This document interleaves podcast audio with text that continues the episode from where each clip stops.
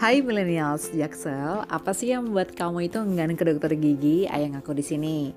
Mungkin kamu bakalan jawab kayak gini nih, trauma dari klinik gigi masa lalu yang mungkin kurang menyenangkan atau yang kedua sebenarnya kamu sebenarnya takut buat habisin isi dompet.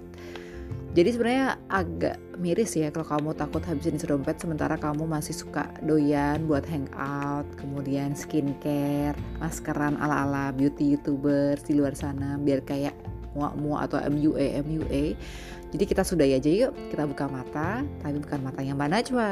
75% remaja aka generasi Z itu berdasarkan hasil riset di belahan bumi barat ternyata sudah mengenal persepsi persepsi lo ya karena takut sakit sebelum dia pergi ke dokter gigi.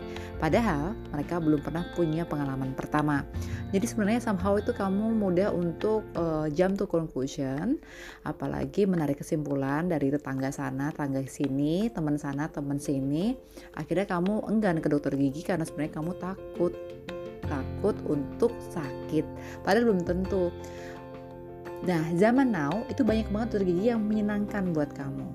Jadi pergilah ke dokter gigi jangan takut. Buat sekedar mencegah itu lebih baik dibandingkan mengobati kamu bisa pergi ke klinik gigi anti ribet di Jakarta Selatan yang namanya Dental Life Clinic.